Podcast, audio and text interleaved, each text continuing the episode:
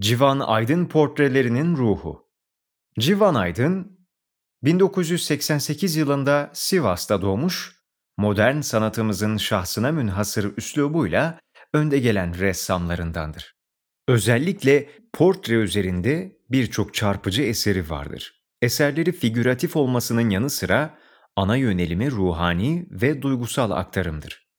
Figürler tüm çalışmadaki en ufak detayın bile bir katkı sağladığı duygularla bezenmiş atmosferin taşıyıcısı niteliğindedir. Bir süre sonra gözlerden soyutlanırlar ve tüm resimden geriye sadece adeta kendi iç dünyamızı tüm çıplaklığıyla görmemizi sağlayacak bir ayna kalır.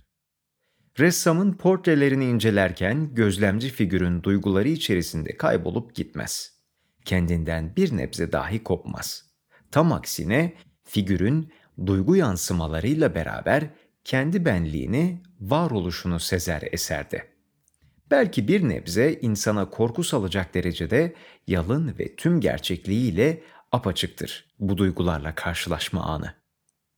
Figürlerin bakışları sanki tüm çevreden, akan ve anlık olan zamandan soyutlanmış, tüm keskinliğiyle kendine, içine dönmüş, yaşantısını ve tüm kırılışlarını tek bir karede izler gibi zamandan ayrı bir sonsuzlukta barınır. Gözlerindeki bu bakıştan ve detaylarla dolu mimiklerinden figürün tüm figürün tüm ruh halini adeta sayfalarca betimlenmişçesine çıkarmak mümkündür. Sanatçının şiirden esinlenmiş bir çalışmasının da olmasının yanı sıra portre eserleri bana her zaman Küçük İskender'in kaleminden dökülen Hislerimin uzağına düştüm. Şimdi çok üzgünüm. Mısrasını anımsatır.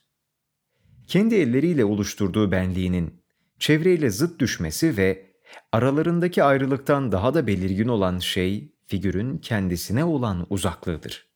Herkese, tüm çevreye karşı olan yabancı düşüşü, kendi duygularıyla olan birlikteliğinden bile mahrum kalmış yalnız duruşu hissedilir bir haldedir. Adeta üçüncü şahıs gibi gözlemler, kendi ruhunda dolaşır gözleriyle. Ama Tezer Özlü'nün yalnızlık bana hiçbir zaman eskilmeyen bir güç veriyor. Sözündeki gibi güçlüdür karakterlerin duruşu. Çevrenin karma karışık akışına fırlatılmışlıktansa benliğinde sürüklenmeyi yeğler gibi dururlar sahiplenilmiş yalnızlıklarıyla.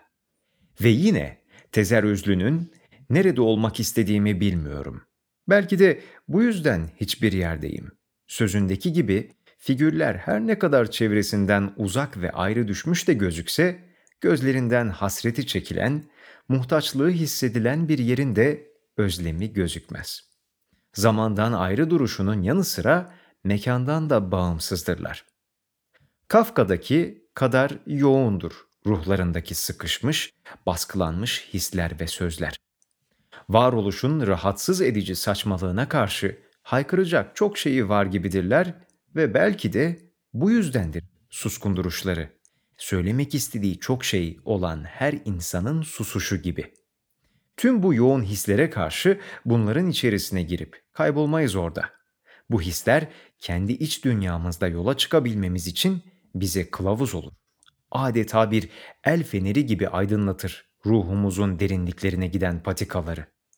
Önümüzü açar ve izin verir sonsuzluğu barındıran ruhumuzda dolaşmamıza.